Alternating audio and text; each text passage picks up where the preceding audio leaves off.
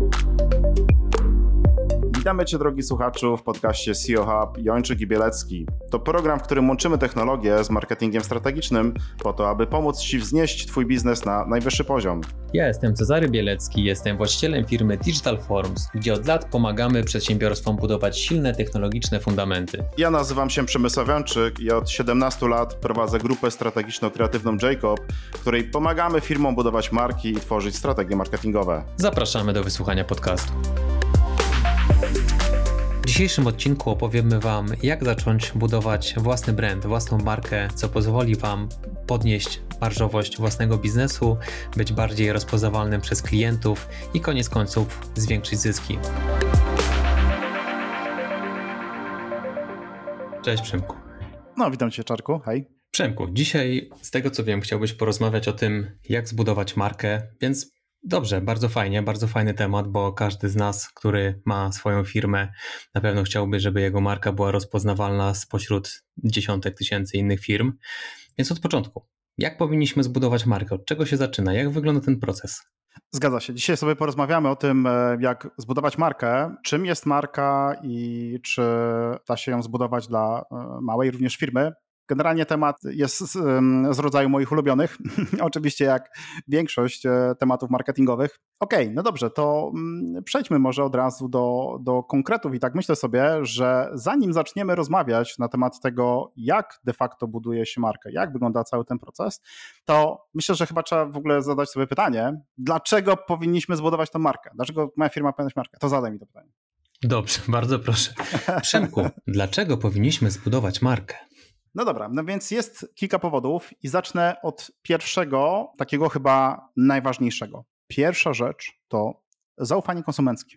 Wiemy to, że z badań e, i wiemy z wyników sprzedaży, że ludzie dużo chętniej wybierają produkty, które uznają za markowe. Co więcej, klienci wybierają chętniej współpracę z firmami, którym ufają i co najważniejsze, klienci są gotowi zapłacić za produkt, usługę więcej niż podobny produkt konkurencji, jeśli uważają, że ta firma, ten produkt jest markowy. To jest jakby pierwsza rzecz, czyli marka może zdecydowanie więcej. I to jest taki trochę mokry sen przedsiębiorców, czyli e, często zadawane pytanie, hmm, jak tu zrobić, żebym mógł sprzedawać dużo moich produktów czy usług i najlepiej, żebym nie musiał konkurować ceną, tak, żeby, żeby ci klienci e, no, nie chcieli mi tu negocjować za bardzo cen.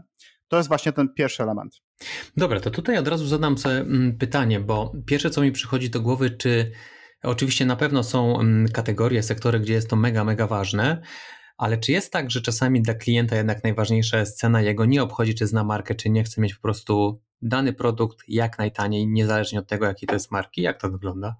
Klienci, jak to klienci, dzielą się na takich, którzy czasem dokonują wyboru czysto podyktowanego ceną, tak? To E, jak najbardziej doświadczamy takiej grupy konsumentów, klientów, którzy po prostu mówią: OK, ja chcę mieć produkt jednak mimo wszystko najtańszy. Tak? Czyli kupuję coś, ale mnie tylko interesuje cena. Natomiast ta grupa klientów bardzo często też bardzo boleśnie doświadcza to, że jednak te najtańsze produkty wcale nie oznaczają, że one są najlepsze, raczej jest trochę odwrotnie. Natomiast y, no, taka grupa oczywiście jest, tak? Ale osoby, które już w pewien sposób są doświadczone życiowo, gdzie już e, kupiły trochę tych takich najtańszych produktów, tak? I wiedzą, że jednak za tym no, zwykle nie idzie jakość, chętniej, e, albo inaczej powiem, bardziej ufają firmom, które po prostu znają, które uważają za, za markę. Mhm, nie wiem, czy okay. to wyczerpało twoje, twoje pytanie. Tak, jak najbardziej, to ma sens. Ja zdaję sobie sprawę, że na pewno ogromna większość ludzi będzie szukała raczej marki. To myślam się, że będzie jakiś promil czy procent, gdzie e, ludzie będą się kierowali tylko ceną i nic totalnie innego nie będzie miało znaczenia. Natomiast do mnie bardzo zdecydowanie przemawia zdanie, które powiedziałeś, mając markę możemy więcej. I to jest super, super zdanie. Okej, okay, ale idźmy dalej, no bo było pytanie, mm, dlaczego warto y, budować markę, dlaczego moja firma, mój produkt powinien być postrzegany przez klientów jako markowych, czyli powiedzieliśmy o, mm, o tym, że to zaufanie konsumenckie. Druga rzecz to jest na pewno rozróżnienie na rynku, czyli to jest to, co znowuż klienci, na przykład naszej agencji często pytają, ok, ale jak my mamy się wyróżnić na rynku, tak? Sprzedajemy ten sam produkt, tę samą usługę, jak my mamy się wyróżnić. No i tutaj bardzo prosto też można, tak? No bo przykładowo, nie wiem, Starbucks no sprzedaje kawę. No i takich firm, które sprzedają na świecie kawę, no jest naprawdę bardzo dużo. I teraz Proszę bardzo, jeden z elementów, gdzie budowa marki powoduje, że nagle mimo wszystko e, wyróżniamy się na rynku. Kolejna rzecz, i też niezwykle istotna, to jest lojalność klientów. Czyli jeśli budujemy markę i marka powinna budować takie silne, trwałe relacje z klientami, czy przykładowo tutaj, nie wiem, no marka Apple, tak, która e, tworzy bardzo silne więzi z konsumentami, widać, że e, że to rzeczywiście działa. Tak? Czyli trzy takie elementy, czyli zaufanie konsumenckie, rozróżnienie na rynku i lojalność e, klienta. To są takie trzy elementy. Nie wiem, czy Ciebie to przekonuje, żeby tą markę budować, czy to za mało. Wiesz co, cały czas mi dźwięczy w głowie e, to zdanie, które powiedziałeś, że mm, jak masz markę, to możesz więcej. Wiesz, bo jak skalujesz firmę, to powiedzmy masz dwa główne sposoby. Albo skalujesz liniowo, e, produkujesz coraz więcej, zatrudniasz coraz więcej ludzi, albo podnosisz swoją marżę. I marka w tym momencie brzmi jako super sposób, żeby jednak podbić marżę, bo to oznacza jakość, ludzie chętnie ją kupują. Dla mnie super, bo to jest droga, którą ja zawsze wolałem. A jak myślę z kolei o lojalności klienta, e, to dwie rzeczy pojawiają mi się w głowie, e, zwłaszcza w klimatach kolarskich, jak ktoś ma, wiesz, rower jakiejś firmy, to i ma wszystkie ciuchy, akcesoria tej samej firmy, ja mam tak samo. Y, I druga sprawa, e, ta lojalność czasami też fajnie przechodzi na mm, e, dzieci. To chyba klasyczny przypadek, kiedy ktoś ma, załóżmy, nie wiem, e, ma Mercedesa samochód, to dziecku kupuje ten taki chodzik dla dziecka, też Mercedesa, prawda? Że, żeby sobie razem zdjęcie zrobić. Super sprawa. Ok, mnie to przekonuje. Idźmy dalej. Co jeszcze powinniśmy wiedzieć? Zgadza się, tylko dopowiem, że w zasadzie w w każdej strategii marketingowej jednym z elementów e, strategii jest e, tak zwane pozycjonowanie marki, pozycjonowanie rynkowe firmy i w zasadzie każda firma w strategii powinna dążyć do budowania świadomości marki, do tego, żeby stać się marką, bo tak powiedziałem, no te korzyści są naprawdę przeogromne i to jest ten właśnie moment, gdzie nie musimy konkurować ceną, gdzie klienci e, chętnie wybierają nasze produkty, usługi, no i zostają z nami dłużej. Okej, okay, to dobra, ale Teraz może zadajmy sobie takie pytanie właśnie, nie? E, czym tak naprawdę ta marka jest, nie? No bo, bo tak jak pomyślimy sobie, co to w ogóle oznacza marka, tak? Co, co to jest, nie? I to jest ciekawe, bo marka fizycznie nie istnieje. To znaczy możemy sobie powiedzieć, że powiedzmy mam produkt, tak, który, nie wiem, to jest, strzelam, iPhone, nie wiem, e, tak powiedziałeś tam, ten samochód, Mercedes i tak dalej, to jest jakiś tam produkt, e, czy jakaś firma, którą tam powiedzmy kojarzymy, i nam w głowie mamy jako, że to jest marka, natomiast y, fizycznie marka nie istnieje. To jest ciekawe, bo to jest najtrudniejsze, dlatego to często trwa długo, firmy e, dużo inwestują też środków w to, bo marka powstaje w głowach konsumentów. Musimy wykonać taki różny szereg działań, który spowoduje, że w głowie naszego potencjalnego klienta bądź naszego klienta nasza firma, nasz produkt zajmie na takiej półeczce, bym powiedział, pod tytułem markowe. I to jest trudne, to jest bardzo trudne. Czyli ta marka powstaje e, jak gdyby w głowie konsumenta. Dodatkowo, jak taka nasza marka zapisze się w głowie konsumenta, e, klienta, tak, to zależy nam na tym, aby ta mm, półka e, była jak najwyżej, czyli fachowo to się nazywa top of the mind. Już w poprzednich odcinkach wspominaliśmy o tym, czyli to jest takie pozycjonowanie marek w głowie konsumenta, czyli nie dość, że my musimy spowodować, że nasza firma, nasz produkt, klient musi o niej pamiętać i mieć jakieś doświadczenia dobre z nią, to najlepiej, żeby one było jeszcze wyżej w tej samej kategorii niż pozostałe inne firmy. Mhm. To domyślam się, że tutaj y, chodzi ci o to, że jak myślimy, załóżmy samochód, to nam jakaś tam konkretna marka przychodzi do głowy i na polskim rynku pewnie bo na zagranicznych też w sumie jest coś takiego, że e, możesz posiąść całe słowo, czyli na polskim rynku to by było jak mówimy, mówimy adidasy, prawda, na buty sportowe, czy mówimy pampersy na, na pieluszki. Za granicą bodajże chyba na chusteczki niektórzy mówią Kleenexy, więc domyślam się, że to jest absolutnie mokry sen każdego przedsiębiorcy, żeby aż tak zagarnąć dane słowo, prawda? No to już jest, bym powiedział, nawet y, jeśli można powiedzieć, nie, nie, nie, wiem, czy może być wyżej niż top of the mind, top of the mind, natomiast no to już jest rzeczywiście taki e, najwyższy stopień trudności, bo top of the mind to mówimy o czymś takim, tak, że mm, przykładowo, tak, wracamy do tych samochodów. Jaki jest najbezpieczniejsza marka samochodów? No i w głowie na przykład pojawia się Volvo. Pozycjonuje nam się wśród marek samochodów, na przykład powiemy Volvo, tak, albo... Ten odcinek nie jest sponsorowany. Nie, tak, nie, nie jest sponsorowany, ale okej, okay, to będzie dużo marek, więc jeśli te wszystkie marki chciałyby nas tu zasponsorować, to zapraszamy. okej, okay, ale teraz lećmy dalej, tak, na przykład z tą kawą, tak, gdzie, gdzie napijesz się najpyszniejszej kawy, tak? na przykład możesz powiedzieć, widzisz Starbucks. I teraz tutaj to będzie oczywiście zależne od twoich doświadczeń, bo jedna osoba powie Starbucks i u mnie to jest top of the mind najwyżej, a druga osoba powie Coffee Heaven, tak? czy jakieś inne restauracje, czy jakieś takie kawiarnie, więc dokładnie tak to wygląda. Nie? Więc jakby tutaj podsumowując tą część, marka, trzeba mieć świadomość, że marka fizycznie nie istnieje. To jest coś, co my musimy spowodować, że to będzie w umysłach naszych potencjalnych klientów, konsumentów. Dlatego to nie jest tak łatwe, bo o ile stworzyć produkt, promocję, wypuścić go na rynek i tak dalej, nie jest jakoś trudne i jakimiś promocjami zachęci tego klienta, żeby powiedzmy kupił, no to spowodować, żeby on w tej jego głowie została ta informacja o naszej firmie, no to już nie jest takie proste. Na, na pewno to wymaga czasu. Jakieś pytanie? Tak, wiesz co, bo zastanawiam się jeszcze, nie wiem czy to jest na obecnym etapie do, dobre pytanie, ale ja się tak od razu zaczynam zastanawiać, kiedy właściwie wiemy, że mamy markę? Wiesz, jeśli mam logo, mam nazwę, czyli jakieś totalne podstawy, to już mam markę, czy to jeszcze nie jest marka? Co to znaczy mieć markę? No, to jest w sumie fajne pytanie, dobre pytanie. Hmm. Na kilka sposobów to można sprawdzić. To znaczy, po pierwsze, duże firmy robią badania, tak? To znaczy, oczywiście powinniśmy śledzić pewne parametry w kwestii jak gdyby wzmianek na temat na, naszej firmy, e, robi się badania e, ankietowe z pytaniami i tak dalej, i to po prostu się bada, tak? Natomiast, czy my mamy markę, to też jesteśmy w stanie to zauważyć w inny sposób, w kwestii jakich mamy klientów, ile tych klientów do nas przychodzi. I teraz przejdę do kolejnych rzeczy, które tu chciałem mówić, bo myślę, że to też trochę odpowie na Twoje pytanie. Bo teraz spójrz w ten sposób. Ok, mówimy sobie tej marce, już wiemy, że to trzeba jednak spowodować, no, żeby ci konsumenci pomyśleli o naszej firmie jako marka. Ale teraz zastanówmy się, jaki zasięg może mieć marka, tak? Czy jak mówimy o marce, czy jak moja firma to jest marka, to znaczy, że nie wiem, wszyscy na świecie już o niej znają, słyszeli, czy, czy nie wiem, może w całej Polsce, czy może w województwie, czy, czy, czy nie może na moim osiedlu, gdzie tak naprawdę jest zasięg, jak gdyby zakres marki. Nie?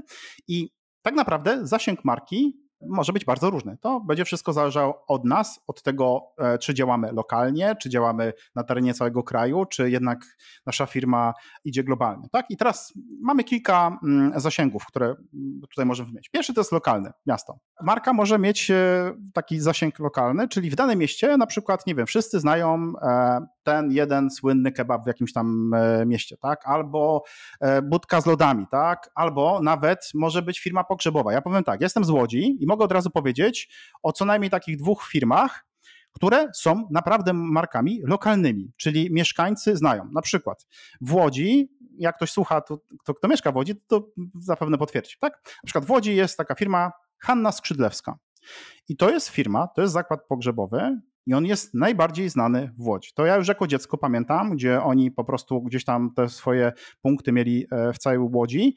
I jak gdyby każdego łodzianina, jakbyś zapytał o jakąś najbardziej popularną firmę pogrzebową, to by ci odpowiedział Hanna Skrzydlewska. Co więcej, budka z lodami, tak? Można powiedzieć, no kurde, jak, marka, co? E, znowuż, jak ktoś jest z Łodzi, to myślę, że część osób zna, jak ktoś nie zna, to w ogóle zapraszam. I to nie jest oczywiście żadne lokowanie produktu, ale słuchajcie, jest taka budka z lodami na ulicy Fizylierów, to jest na Złotnie, gdzie jak pójdziesz kupić tam loda, to będziesz zaskoczony, bo zobaczysz, że będziesz jakiś 40 albo 70 w kolejce. Mają po prostu takie ekstremalne kolejki. Na przykład my, jak już wiemy, że chcemy tam iść na lody, to ja już się nigdy nie wybieram jakąś sobotę po południu czy tak dalej. Nie ma szans. Po prostu szukamy takich godzin, gdzie wiem, że ta kolejka zejdzie może do 20 osób, nie? Bo potrafią być naprawdę przeogromne kolejki. Wiesz, tak słucham, słucham i zastanawiam się e, cały czas, na co tak naprawdę przekłada się marka. Czy marka, jak masz markę, to jesteś w takim razie najbardziej znany wśród swoich e, potencjalnych klientów? Czy to właściwie daje ci to, że całą swoją produkcję jesteś w stanie wyprzedać na pniu? Myślę, że po trochu wszystkie te rzeczy, prawda? Wracamy do celów. Po co budujemy markę? No budujemy markę po to, żeby, e, no co, żeby, żeby móc sprzedawać swobodnie swój produkt, usługę, żeby być bardziej konkurencyjnym, tak? Więc, e, więc jak gdyby to są cele. Natomiast e, ciekawe pytanie zadałeś, e, do kogo marka jest skierowana, tak? Czy to jest do konkretnej grupy docelowej? I tutaj taką przytoczę historię. Przed pandemią zdarzyło mi się poprowadzić trochę wykładów, między innymi na Sbiro, ale po prostu prowadziłem różnego rodzaju wykłady, właśnie między innymi z budowy marki. No i pamiętam, robiłem takie ciekawe doświadczenie, eksperyment ze studentami. Na sali było, nie pamiętam, tam powiedzmy 300 studentów, no i ja im wyświetlałem zacząłem od jakiejś takiej popularnej marki, tam typu, nie wiem, e, Coca-Cola, tak? I pytam się, no ręka w górę, kto z was zna tą firmę, tak? No więc wszyscy wyciągnęli rękę w górę, nie? Pokazałem później jakąś kolejną znaną taką rozpoznawalną markę e, typu, nie wiem, Mercedes, no wszyscy ręka w górę, nie? Po czym pokazałem im logo Pfizera. Podkreślam, to było jeszcze przed pandemią, nie? E, logo firmy Pfizer i mówię, ok, a kto z was zna tą markę? No i na tych 300 studentów chyba ze trzy osoby podniosły rękę. Naprawdę? Wtedy, tak. I wtedy ja im wyświetliłem e, informację z Wikipedii z informacją, że to jest największa, tam nie wiem, najbogatsza firma farmaceutyczna na świecie, nie?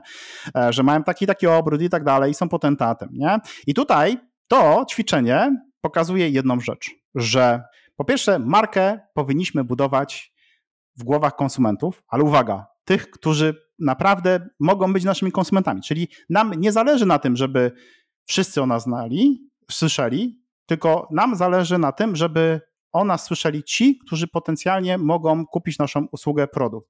I na przykładzie Pfizera wtedy trochę też pokazywałem, udowodniałem jedną rzecz, że, no bo czasem, wiesz, do dzisiaj przychodzi jakiś przedsiębiorca i mówi, że on by chciał być, no ale najlepiej to on chce być wszędzie rozpoznany, wszędzie, wszędzie, żeby go wszyscy znali. Ale wtedy mówimy, no ale to nie ma sensu, to się panu nie opłaca. Natomiast em, przedsiębiorcy wtedy w głowie mają, że no nie, na pewno jak będą wszyscy o mnie słyszeli, wszyscy mnie będą znali, to, to będzie super. Mm, no nie, no bo tak mówię, ten Pfizer, jeśli bym zrobił to, e, to badanie powiedzmy na grupie studentów z medycyny, no to prawdopodobnie jak nie wszyscy podnieśliby rękę w górę, bo powiedzieliby, że znają tą firmę, tak? E, więc e, no pokazuje to, że jednak marka powinna być budowana w umysłach naszych potencjalnych konsumentów. Jeśli docieramy do innych, to szkoda na to kasy. Wiesz co, ale tutaj to jest właściwie ciekawy przypadek, no bo Pfizer, jeśli sprzedaje e, leki, którymi my wszyscy możemy się leczyć, jakieś generyczne, e, to właściwie my, jako wszyscy, jako potencjalni konsumenci, którzy możemy te leki kupować, powinniśmy znać tą firmę, prawda? O, to jest dobry lek, bo jest od Pfizera. Więc. Nie, a powiem Ci, dlaczego nie znasz. Znaczy, hmm. znasz teraz, tak? No i większość już zna, no bo po pandemii, tak? Ale nie znasz z tego względu, że to jest marka, która jest skierowana nie do B2C, a jest skierowana do środowiska medycznego. Bo teraz tak, Pfizer produkuje leki o jakichś konkretnych nazwach i ty teraz jako konsument będziesz znał, nie wiem, jakiś lek, strzelam, ja nie, nie, nie wiem dokładnie, co oni tam produkują, ale wyobraźmy sobie, że nie wiem, jakiś ibuprom powiedzmy, tak, to kojarzysz, natomiast kto to wyprodukował, to już niekoniecznie. I teraz widzisz, sam producent, jak gdyby ta marka Pfizer była skierowana do, do, do jak gdyby mm, e, tego środowiska medycznego, do tej swojej grupy, a produkt, czyli znowuż markowy, który oni tworzyli, jest skierowany do grupy konsumentów i to oni kojarzyli, nie? Więc... Tak, to jest bardzo ciekawy przypadek, gdzie firma niekoniecznie robi brand ze swojej nazwy głównej, tylko bardziej buduje markę brand dookoła swoich e, produktów, jeśli są one skierowane do B2C, a główny brand jednak kieruje do B2B, e, tak? Dobrze zrozumiałem? Dokładnie tak, to znaczy jedna rzecz, bo poruszyłeś ciekawy temat. No właśnie, e, markę budujemy i teraz powiedziałem, zobacz, cały czas mówiłem o marce, że to może być marka jako firma, może być marka jako produkt, nie? I teraz zobacz, mamy firmę, markę, inaczej, Coca-Cola jako firma też tam w nazwie ma Coca-Cola, jakiś tam grup, coś tam, nie? I teraz akurat Coca-Cola jest marką, i ma produkt o nazwie Coca-Cola, nie? To ogólnie tu zahaczamy w ogóle o tak zwaną architekturę marki. Nie chciałbym dzisiaj jakoś mocno głęboko wchodzić w temat, bo to jest na godzinę rozmowy, jak buduje się architekturę marki, bo mamy master brand, później mogą być subbrandy, czyli dana firma może być marką i może mieć produkt markowy, ale może być tak powiedzmy Pfizer, gdzie jest powiedzmy marką i ona jest rozpoznawalna tylko w środowisku medycznym, a znowuż do B2C będą rozpoznawalne produkty, no te, które kupują konsumenci. Okej, no to trochę odpłynęliśmy e, od tematu. E, znaczy to jest, to jest bardzo ciekawe, ale mówiliśmy o zasięgu i na razie opowiedzieliśmy o e, marce lokalnej, a co mamy dalej? Tak, to znaczy, tylko dopowiem, nie odpłynęliśmy od tematu, bo to bardzo fajnie, że w ogóle to poruszyłeś, bo tu trzeba powiedzieć sobie jedną rzecz. jeśli ja mam 5 czy 10 całkowicie odrębnych produktów, skierowanych do całkowicie odrębnych grup docelowych, to bardzo możliwe, że będę musiał stworzyć albo osobne marki, albo moja firma będzie marką. Czyli podam Ci prosty przykład. Jest firma, która produkuje na przykład baton, nie wiem, Mars, Snickers, nie wiem, jakiś Twix i tak dalej. I to są różne produkty i zobacz, każdy z nich jest jak gdyby osobnym brandem, osobną marką, nie? Więc tu trzeba sobie jasno powiedzieć, że jeśli ja już zbuduję dla swojej jednej marki, to nie oznacza, że moje produkty będą na równi mogły konkurować z, z innymi produktami markowymi. Nie wiem, czy to nie, nie zaplątałem trochę tutaj, czy to jest zrozumiałe, ale trochę pokazujemy, że, bo jak ktoś sobie myśli, że ja stworzę, że moja firma to już będzie tylko rozpoznawalna i że to już jest koniec, no to, to nie do końca, tak? Bo, bo po prostu firma może być, ale produkt nie będzie rozpoznawalny, jak coś produkujemy, nie?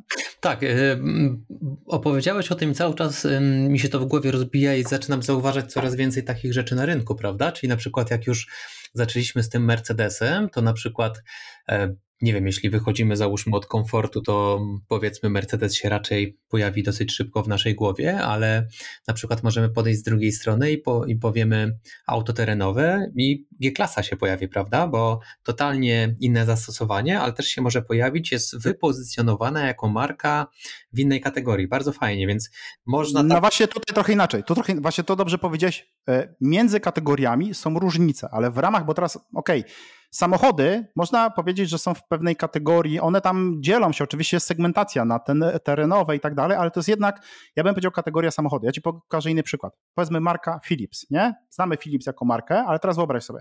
Philips ma odkurzacze i teraz odkurzacz, konkretny tam jakiś model, on będzie tak naprawdę jako markowy produkt musiał y, walczyć z konkurencją odkurzaczy, ale teraz masz Philips żarówki, które znowuż będą żarówkami, ale teraz masz Philips sprzęt medyczny w ogóle, nie? I w ogóle Philips na przykład y, tam chyba w ogóle ich większość sprzedaży to tak naprawdę jest medycyna, z tego co tam chyba kojarzę, nie? Więc zobacz, ale to są całkowicie odrębne kategorie, tak? I teraz na przykład twoja marka, strzelam, ten Philips może być, nie wiem, numer jeden w odkurzaczach, ale w żelazkach to już będzie na czwartym miejscu, bo na przykład najlepszym brandem w żelazkach to będzie jeszcze coś innego, nie? I tu jednak jak mamy w różnych kategoriach produkty, no to jednak czeka nas tutaj e, budowanie osobnych brandów, nie? Dlatego też w firmach, zwłaszcza w tych dużych firmach, gdzie są firmy produkcyjne, masz tak zwanych brand managerów, nie? I brand manager jest odpowiedzialny za konkretny brand. Tych brandów jest X na przykład, nie? Dlatego też te działy marketingu mają ogrom pracy, no bo każdy brand manager pracuje nad budową konkretnego brandu, nad jego roz... No, to jest... Ale powiedzmy tak, nie idźmy tą drogą, bo nie chcę przekom... jak gdyby tutaj pokazać, że jest to aż tak bardzo skomplikowane. A mieliśmy e... nie robić dygresji. Tak, tak, no tak, tak, tak.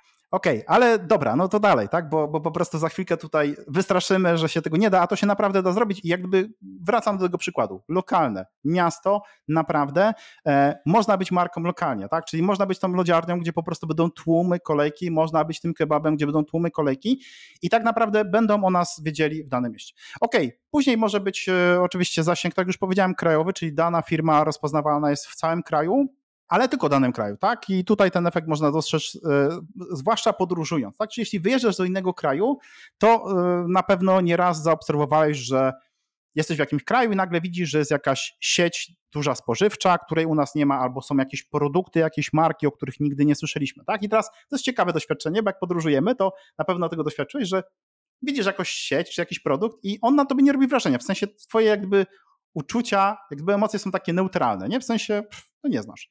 Natomiast lokalsi się tam będą tym jarali, nie? Że no to, to jest produkt tej marki, nie? Że to jest takie fajne, nie? No, po prostu, a, a ty tego nie czujesz w ogóle.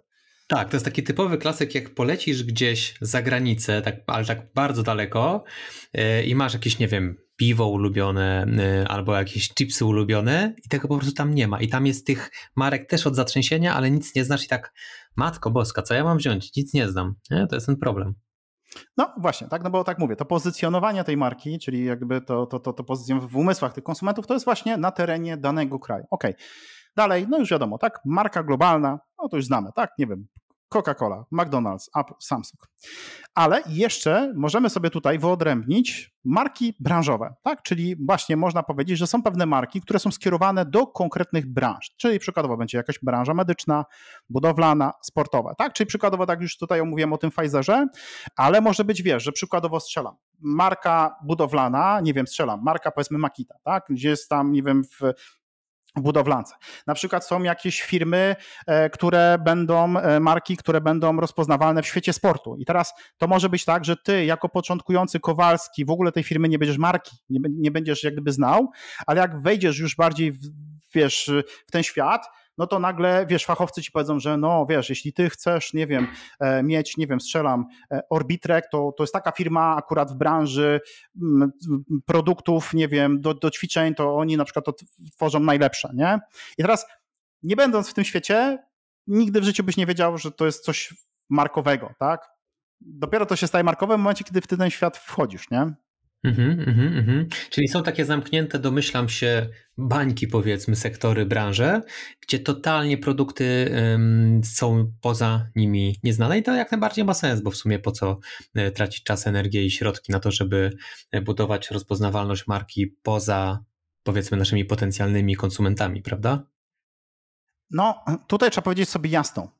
Proces budowy marki to jest proces długotrwały. To nie jest coś, co robi się w miesiąc, to potrafi trwać latami i ten proces jest ciągły. To znaczy, jeśli nie będziesz cały czas y, wykonywał pewnych działań podbijających widoczność Twojej firmy jako marki, to po prostu będzie to spadać. To wyjdzie jak gdyby z badań, że Twoja marka przestaje być rozpoznawalna i tak dalej. Więc to jest proces długotrwały. Co się z tym wiąże? No niestety jest to dosyć kosztowne. E, więc y, y, budowa marki powinna być tylko w głowach konsumentów ci, co mogą być naszymi klientami. Mhm. No dobra, to brzmi, powiem Ci, bardzo, bardzo fajnie. Widzimy, że budowa marki daje już gigantyczną e, przewagę i na pewno warto spróbować to zrobić, bo czy się uda, to jest zupełnie e, inna rozmowa, ale domyślam się, że jest jakiś proces, który pozwala to, e, właściwie cały ten proces rozpocząć. Jak to wygląda? Tak, zgadza się. No więc um, chciałbym teraz trochę właśnie porozmawiać, jakby opowiedzieć o, ja bym powiedział o takich dwóch kluczowych elementach, które składają się na proces budowy marki. Pierwszy, no tu chyba nie będzie zaskoczenia, zaczynam od strategii. Tak, jak wiesz, znowuż jestem pasjonatem, fanem podejścia strategicznego i generalnie tak jak w życiu, nie wiem, chcemy schudnąć, no to jakaś przydałaby się strategia, jakiś plan. Chcemy, nie wiem, jakieś wykonać działania marketingowe, musimy na to stworzyć jakąś strategię, plan. No więc jeśli mówimy o budowie marki, zaczynamy prawidłowo od strategii. To się tak nazywa fachowo strategia marki. I teraz tak, co w ramach tej strategii marki tak naprawdę jest? Pierwszy etap budowy strategii marki to są analizy, czyli to są różnego rodzaju badania odbiorców, czyli musimy zrozumieć, no właśnie, kto jest moją grupą docelową, tak?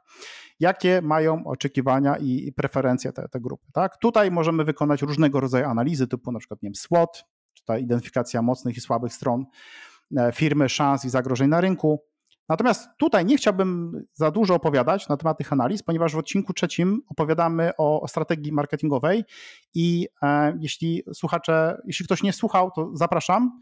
Co więcej, w tym odcinku tam wrzuciliśmy link do e-booka, w którym jest opisane krok po kroku, jak wykonać takie analizy. Tak, pobieracie go sobie za darmo, tam żadnych danych nie musicie zostawiać, więc jak gdyby pierwszy etap to są analizy, czyli tak właśnie musimy zrozumieć, kto to jest, w jakim wieku, gdzie ten e, mój konsument jest, jakie ma oczekiwania i tak dalej. Krok numer dwa w ramach strategii marki to jest tak zwane właśnie pozycjonowanie marki. Czyli to już wstępnie o tym powiedzieliśmy sobie, czyli pozycjonowanie, ale nie w wyszukiwarce Google, tylko w głowach naszych tych wybranych potencjalnych konsumentów. Tam, w Google, w Google później, tak. w Google później, dokładnie. No dobrze, to więc co składa się na to pozycjonowanie marki? Pozycjonowanie marki, czyli jak w ogóle, no właśnie, jak to spowodować, żeby w głowie jednak ta nasza firma, ten nasz produkt zapadł jako ten markowy. No i tutaj mm, jednym z kluczy do tworzenia pozycjonowania marki jest tak zwane opracowanie Brand Value Proposition, czyli propozycja wartości marki tutaj można powiedzieć o takiej właśnie unikalnej wartości, coś, co nas e, wyróżnia e, na rynku, coś, co powoduje, że ten nasz produkt, usługa czymś się różni, tak? Może firma, tak? Czyli tutaj, e, nie wiem, wrócę do, mm, do tego Starbucksa, tak? Czyli zauważmy jedną rzecz, że Starbucks w jak gdyby strategii pozycjonowania marki poszedł na, na pewnego rodzaju doświadczenia związanego z kawą. No bo kawa, ok, no tam jest wiadomo, dobra kawa, Natomiast, no mówmy się, taką kawę myślę, że jak ktoś się postara, to sam sobie taką może w domu jest w stanie zrobić. Powiem tak, to nie jest coś, czego nie da się powtórzyć, tak? To nie jest tak, że oni mają jakąś magiczną recepturę i oni tylko są w stanie to stworzyć. Nie, po prostu tą kawę myślę, że większość osób, jak się nauczy to i będzie miała odpowiednie, powiedzmy, ziarna kawy, to jest w stanie sobie ją taką zaparzyć. Natomiast to, co powoduje w Starbucksie, że jednak chętnie go e, konsumenci wybierają, to to, jakie on zrobił pewne doświadczenia. Zauważ jedną rzecz. W Starbucksie masz to, że dostajesz w, w, w, tym kubku, gdzie pytają się o twoje imię. Nie? Zauważ, to są takie rzeczy, które wyróżniają ich jako markę, że to są pewne, ty to doświadczasz. Ty doświadczasz spędzenia czasu z, nie wiem, z przyjaciółmi, znajomymi. Zobacz, Starbucks kto wybiera, tak? Idą sobie, nie wiem, przyjaciele, tak? E, jacyś młodzi ludzie. Nie wiem, ile razy, słuchaj, nie zliczę, miałem nawet spotkań biznesowych w Starbucksie, tak? Wejdziemy sobie do Starbucksa i można byłoby tak fajnie w ogóle poobserwować ludzi i to zobaczysz. Tutaj, ok, jakiś widać, chyba freelancer, siedzi z laptopem, coś tam sobie mm, programuje, tak? Za chwilkę jakieś tam grupka przyjaciół sobie rozmawia, nie? Za chwilkę tutaj znowu słyszymy jakieś pewnie spotkanie biznesowe, tak? Miejsce, które po prostu pewien klimat, pewne doświadczenia. I teraz, no właśnie, to budowanie tej marki, budowanie tego unikalnej wartości bardzo często wychodzi poza produkt i usługę, ponieważ no ta kawa, tak mówię, można zrobić trochę inny smak i tak dalej, ale, ale no tutaj za dużo nie jesteśmy w stanie zdziałać już, tak? Więc szukamy dookoła. Nie wiem, czy ma to dla ciebie sens? Czy, czy bo tak patrzę na twoją minę, się zastanawiam, czy. Tak, czy wiesz, co, wiesz co, zacząłem się zastanawiać, bo mm, jak zacząłeś o tym mówić, to sam się zacząłem zastanawiać, jakbym chciał zrobić kawiarnię i chciałbym, żeby ona odniosła sukces na całym świecie, to właściwie jak ja bym to zrobił, bo produkt jest, no mówmy się, jest na maksa powtarzalny, prawda? I tutaj mm, odpowiedziałeś mi na pytanie, ja właściwie nie wiedziałem, dlaczego Starbucksowi akurat y, się udało, akurat case study y, Starbucksa nie czytałem. Jeśli to faktycznie oni zapoczątkowali ten trend, że oprócz tej personalizacji, bo oni tam podpisują te kubki oczywiście, jeśli oni zaczęli ten trend, że kawiarnia jest fajnym miejscem do bywania, mm, to już faktycznie ma super sens. I to jest jeszcze o tyle ciekawe, że to nie jest standardowy e, mechanizm upsellu, cross-sellu, tylko to jest takie przyciągnięcie ludzi, żeby im się tam fajnie siedziało. To troszkę na zasadzie jak masz sklep w miejscu, gdzie jest bardzo gorąco, to musisz zainstalować klimatyzację tylko po to, żeby ludzie się czasami weszli schłodzić i przy okazji obejrzeli twoje towary. Nie? To jest powiedzmy e, ten sam, e, ten sam sposób działania. Bardzo, bardzo e, ciekawe, czyli możemy zrobić wartość dodaną dla klienta, która zwiąże klienta z naszą marką, a nawet niekoniecznie będzie w żaden sposób odbijała się na tym, że sprzedajemy mu jakieś dodatkowe produkty, które go bardziej wiążą, tylko jemu w jakiś sposób jest e, miło z tą marką obcować i on w jakiś sposób się do niej przywiązuje. Bardzo ciekawy przykład. Powiem tak, w większości przypadków, jak sobie tak przeanalizujemy te firmy, które uznajemy za markowe, to poza jakimiś nielicznymi przypadkami, typu jakaś Coca-Cola, gdzie rzeczywiście tutaj mówimy o jakiejś konkretnej recepturze, jakiś konkretny smak, tak, że to jednak nie jest nie, tak trudno to powtórzyć, żeby to było dokładnie to samo, to większość tych firm e, słuchaj, no sprzedaje naprawdę bardzo podobne produkty, usługi e, i trudno coś wymyślić tutaj więcej. Za chwilkę mm, powiem Ci, w jaki sposób zrobić, jak dojść do tego i szukać tych rozwiązań, czym się tu wyróżnić.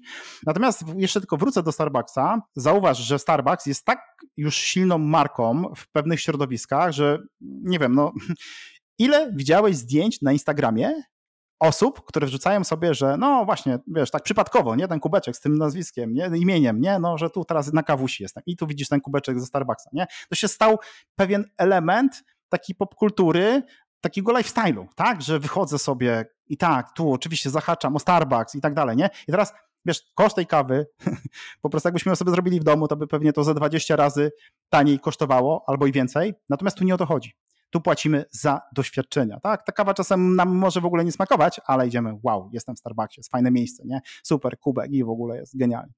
No ale dobra, no to teraz może właśnie um, takie krótkie ćwiczenie, jak teraz znaleźć e, te takie punkty, które będą nas wyróżniać. Jest takie fajne ćwiczenie w marketingu, nazywa się to takie dwa elementy, które sobie jak gdyby musimy mierzyć. Czyli bierzemy sobie kartkę i na tej kartce tworzymy dwie kolumny i w jednej wypisujemy point of difference i druga kolumna to będzie point of parity. I teraz zasada jest taka.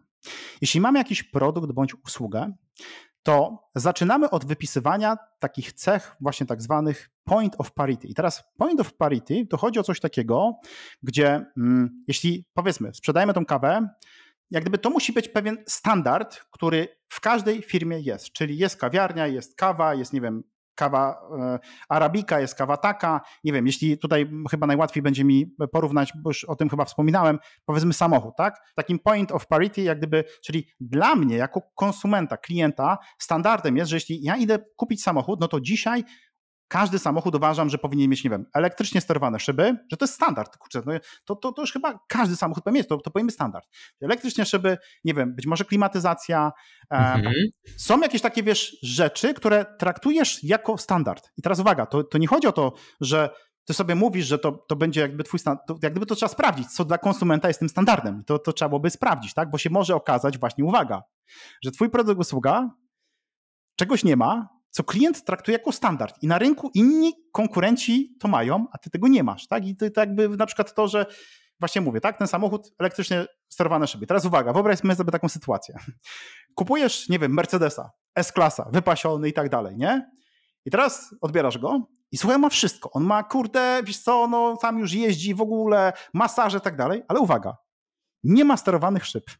I teraz, jakie byłoby twoje rozczarowanie, jak gdybyś stwierdził, że no zaraz, moment, jak, jak to jest w ogóle możliwe? Przecież to jest standard. Nie. To jest standard jak gdyby w twoim umyśle. I teraz powinniśmy sobie wypisać, że w ramach mojej branży, w ramach mojego produktu bądź usługi standardem jest to, że przykładowo dostawa będzie w 48 godzin, to jest standard, bo wszyscy to tak robią i to musi być standard. To, że daję gwarancję na 24 e, miesiące, wszyscy to robią, więc to jest standard, to po prostu musi być. To, -hmm. że mój mhm. produkt jest z tego i z tego, to to jest jakiś standard. To, że daję tam dwa warianty kolorystyczne, coś tam, to jest pewien standard na rynku. I teraz uwaga, jeśli mój produkt tu już czegoś nie ma i na rynku wszyscy dają gwarancję 24 miesiące, ja daję 12 miesięcy, to to już jest pierwszy punkt, który powinienem poprawić, bo klient nie wybierze, część klientów może nie wybrać naszego produktu, bo powie, że hello, no zaraz, kurde, jak wszyscy dają 24, a wy 12, w ogóle tego nie biorę. W ogóle nawet tego nie rozważam. Okej. Okay. Generalnie bardzo fajny, bardzo fajny eksperyment. Jeszcze nie przeszliśmy drugiej części, natomiast tutaj już jest bardzo fajnie, bardzo ciekawie. Faktycznie pewne rzeczy konsumenci uważają za oczywiste. Domyślam się, że na pewno znajdziemy troszkę takich przykładów, gdzie może, mogłoby się wydawać, że konsumenci będą uznawali pewne rzeczy za oczywiste, a jakaś firma udowodniła, że niekoniecznie muszą takie być, ale takich przypadków podejrzewam, że też super nie było i do dzisiaj, do, ale do dzisiaj są omawiane, bo są pewnie, e, pewnie znane. Nie wiem, jak na przykład Ryanair robił e, takie swoje disruption biznesowe, że, że co, że możesz lecieć bez bagażu, że nie masz jakiegoś super menu, masz tylko proste kanapki. E, moglibyśmy sobie teoretycznie w tym eksperymencie założyć, że przecież każdy chce zjeść pełny posiłek na pokładzie samolotu. No kurczę, a właśnie nie. Jak lecimy godzinę czy dwie, to wcale nie musimy i dzięki tego typu rzeczom e, Ryanair straszne pieniądze e, zaoszczędził i zbudował bardzo fajną linię. Ale eksperyment sam w sobie, sam w sobie jest bardzo, bardzo ciekawy. I jeśli oczywiście faktycznie dobrze trafimy, że pewne rzeczy nie da się ich obciąć, one muszą być, to jak najbardziej ma to sens, bardzo mi się podoba. Mhm. No, to jest słuchaj takie narzędzie marketingowe e, i co do tego standardu, to tylko powiem tak, że tu jest częsty błąd popełniany przez przedsiębiorców, którzy tworzą ofertę, produkt bądź, usługę, nie? I mówią, dobrze, to będzie to, to, to, to i to i my oferujemy to, nie? I no właśnie, co innego będzie standardem tego przedsiębiorcy, a co innego będzie standardem jak gdyby w umysłach e, klientów, konsumentów. I tutaj po prostu trzeba ich zapytać. I wtedy ja się pytam, na przykład robimy takie badanie. Panie Cezary, dla pana, tak, standard, samochód, co w standardzie powinien mieć? No i na przykład mówisz, tak, że elektrycznie sterowane okna, nie wiem, klimatyzacja, że nie wiem, jakieś dwie poduszki. I teraz oczywiście będzie część osób, które jak gdyby w tej statystyce, w tym badaniu powiedzą o czymś zupełnie innym, ale na przykład, nie wiem, 80% ludzi będzie oczekiwało, że to jest to. I teraz no właśnie o to chodzi. Czyli jak 80% ludzi oczekuje, że w standardzie jest to, to u nas to musi być w standardzie. Bo teraz uwaga, jeśli to dobrze zbadamy, to my już możemy w ofercie komunikować, że te rzeczy to u nas to jest standard. Bo konkurencja to się chwali, że oni dają 24 gwarancje miesięcy, ale u nas standard. To, jest, to powinien być standard. To jest już pierwsza rzecz, którą możemy się wyróżnić. A teraz idźmy dalej, bo ciekawie się robi w drugiej kolumnie. No bo jeśli co, jeszcze, rynko... jeszcze, hmm? jeszcze, jedna rzecz mi się pojawiła, bo tak zakładam, że jest mega fajne narzędzie, bo już mi się podoba, z przyjemnością to zrobię u siebie, bo akurat z tego jeszcze nie korzystałem. No ale znowu znajdziemy zawsze jakieś takie przypadki, gdzie teoretycznie nie miałoby to sensu, no bo jeśli byśmy pytali użytkowników, co chcą, to pewnie iPhone by nigdy nie powstał. Ale takich rzeczy podejrzewam, że jest tak naprawdę mało i wtedy musisz naprawdę wiedzieć, co chcesz, co chcesz zbudować i jest to bardzo ryzykowne. Ale generalnie narzędzie jest mega, mega fajne. To, czy mówisz, że to co, że iPhone by nie powstał, ale to mm, widzisz, pytając ludzi o standard, to oni ci odpowiedzą o tym, o czym oni wiedzą, co oni znają, z ich własnych doświadczeń z daną marką, produktem, usługą, tak? Czyli przykładowo, kupuję powiedzmy, nie wiem, na, na, na, nie wiem, strzelam na Allegro czy tam w jakimś sklepie internetowym, tak? Jak gdyby standardem jest powiedzmy dla mnie, że przesyłka to jednak jest, nie wiem, dzisiaj już 48 godzin na przykład jakiś tam ubrań, czy Rozumiem, o co chodzi. To jest coś, co ludzie doświadczają, znają. Oni nie, jak gdyby tutaj e, oczywiście nie powiedzą ci, nie wymyślą ci niczego nowego, tylko jakie ich są doświadczenia. I teraz to jest mega ważne, bo teraz uwaga. Jeśli tak mówię, to coś nie będzie spełniało ich standardów, według ich oczekiwań standardu, to na starcie twój produkt usługa jest odrzucony. Nie? I teraz może być czasem naprawdę, że tak powiem, trochę pierdoła, która nam jako przedsiębiorcy może się wydawać, że nie no jak to, to jest tak? Jak, dlaczego on wybiera konkurencję, przez to, że na przykład strzelam właśnie tak, że nie wiem, nie dajemy podwójnego pakowania. Kurde, przez super produkt sprzedaję, strzelam, tak? Ale no, wiesz, o co chodzi, więc tu jest bardzo ważne, żeby to zdiagnozować. I teraz podam przykład, jak to można wykorzystywać właśnie inaczej. Wrócę do tej gwarancji. I teraz wrócę trochę do, do świata technologii, powiedzmy, nie? Gdzie na przykład firmy mogą mówić, że na przykład, nie wiem, ktoś oferuje gwarancję na x tam miesięcy i tak dalej. I teraz zobacz, może być tak, że zobacz, konkurencja, konkurencja znaczy można komunikować, nie? Że u nas na przykład u nas w standardzie jest na przykład, nie wiem, tam 6 miesięcy gwarancja na, na jakieś tam działanie, nie? I teraz to jest ciekawe, bo teraz my budujemy ten standard w, w umysłach e, klientów, bo on sobie to czyta, porównuje trzy oferty, w dwóch tego nie było, a w trzeciej ja mówię, że to u nas jest standard. Ja sobie kurde, to jest standard, nie? A dlaczego oni tego nie oferują? I to jest jeden z tych elementów, gdzie można, e, jak sobie zbadasz swoją konkurencję mm, i znajdziesz takie rzeczy, gdzie o których nie komunikują. Bo tu jeszcze powiem jedną rzecz. Czasem jest tak, że niektóre rzeczy są tak oczywiste, że przedsiębiorca mówi, ja nie będę tego komunikował w ofercie. Czyli, że nie wiem, e, ciężko mi tu jest teraz jak gdyby jakiś konkretny wymyślić przykład, ale że no wyobraźmy sobie, że sprzedaje kwiaty i jak gdyby no to, to, oczekujemy, że powiedzmy, nie wiem, będzie pudełko, które jest zabezpieczone i tak dalej, nie? I wszyscy, co sprzedają, no to wiedzą, że to musi być odpowiednio zabezpieczone. I teraz większość branży w ogóle o tym nie komunikuje, a my to podkreślimy. My sprzedajemy nasze produkty, wysyłając w bezpiecznym pudełku, gdzie ten twój produkt jest zabezpieczony i tak dalej. Teraz wszyscy w branży, albo większość w ogóle o tym nie komunikuje, no bo to jest tak oczywista rzecz, że kurde, no jak po co w ogóle o tym komunikować? No właśnie, to oni wszyscy wiedzą, ale ten klient potencjalny, wiesz, on nagle wpadł w tą tak, konkretną dokładnie. branżę mhm. i on o tym nie wie, nie? Więc tutaj możemy jak gdyby budować swoją przewagę konkurencyjną. Powiem Ci, że cały czas jeszcze myślę e, o biednym Steve'ie e, i jego iPhone'ie bo, bo, to jest mega fajne narzędzie, na pewno warto to sobie wypisać. No potem, co z tym zrobisz, to jest trochę up to you, e, bo może na przykład być tak, tak sobie na szybko myślę, że przez to, że świadomie odrzucisz pewne standardy masz szansę stworzyć nowe standardy w branży, nie? Czyli na początku, jak wychodził iPhone, to on był strasznie krytykowany. Znaczy, oczywiście od razu był sukcesem, ale część ludzi go krytykowało za to, że on nie ma wymiennej baterii. I można by sobie było założyć, że w tym narzędziu wyszłoby ludziom, że oni oczekują, że telefon będzie miał wymienną baterię, natomiast Steve przez to, że to odrzucił, spowodował, że telefony są cieńsze i teraz nowym standardem jest to, że w sumie nie obchodzi nas, ile trzyma bateria. No, może troszkę obchodzi, ale zdecydowanie ważniejsze dla nas jest to, żeby telefon był cienki, bo to spowodowało to, że nie da się wyciągnąć tej baterii. E, natomiast bardzo, bardzo fajne narzędzie. Y, jeśli coś tam świadomie odrzucimy, to oczywiście to y, musimy wiedzieć, co tym zastępujemy. Strasznie mi się podoba. Ciekaw jestem, co to powiesz ten, to ten przykład z iPhone'em, to ci powiem, że powiedzmy ten brak y, wymiennej baterii, e, tutaj jest zupełnie wyższy poziom jak gdyby tego standardu, bo teraz tak, ja dzisiaj mówię coś takiego, że jeśli ty na rynku chcesz wymieść konkurencję, to najprościej jest po prostu zrozumieć, jaki ma, jakich standardów oczekuje klient. I teraz, jak popatrzysz, jak komunikuje konkurencja, to szybciutko znajdziesz, że ty nie, nie robiąc nic, czyli nie tworząc jakiegoś super innowacyjnego produktu, ty możesz zacząć komunikować, gdzie komunikujesz wartość dla klienta, gdzie konkurencja tego nie komunikuje. To jest jak gdyby pierwsza rzecz, nie? Że, że, że, że to jest jakby to.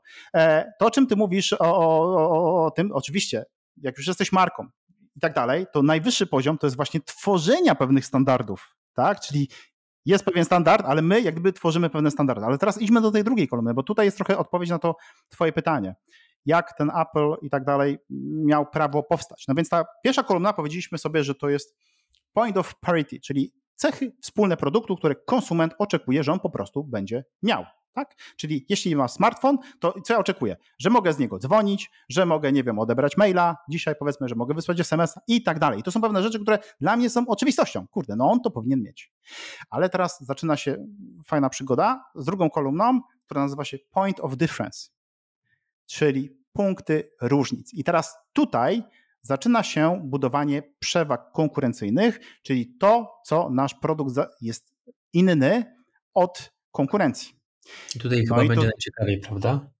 Wiesz co, najciekawiej, natomiast to jest najtrudniej, no bo tu już mówimy teraz o rzeczach, które ty musisz często nadbudować do swojego produktu. Teraz uwaga, wracam do mm, Starbucksa.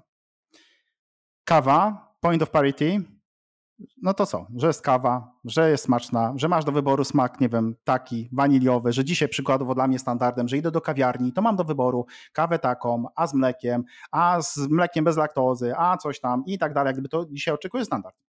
I teraz point of difference to jest coś, co wychodzimy poza produkt i to jest fajne, bo trzeba jakby w umyśle przedsiębiorcy muszą sobie przestawić taką pewną klapkę, bo wszyscy koncentrują się, jak ten produkt udoskonalić. Nie. Jeśli ten produkt już jest dopracowany, to ty nie koncentruj się na produkcie. Koncentruj się na tym, co dookoła, czyli, nie wiem, obsłudze klienta, na jego pewnych doświadczeniach. No i to, co właśnie zrobił Starbucks, czyli miejsce, czyli pewnego rodzaju takie doświadczenia, które, mm, które powodują, że to coś różni, tak? Że to jest trochę inaczej, tak? Że ten kubek z tym twoim imieniem ty nie dostaniesz w innej kawiarni.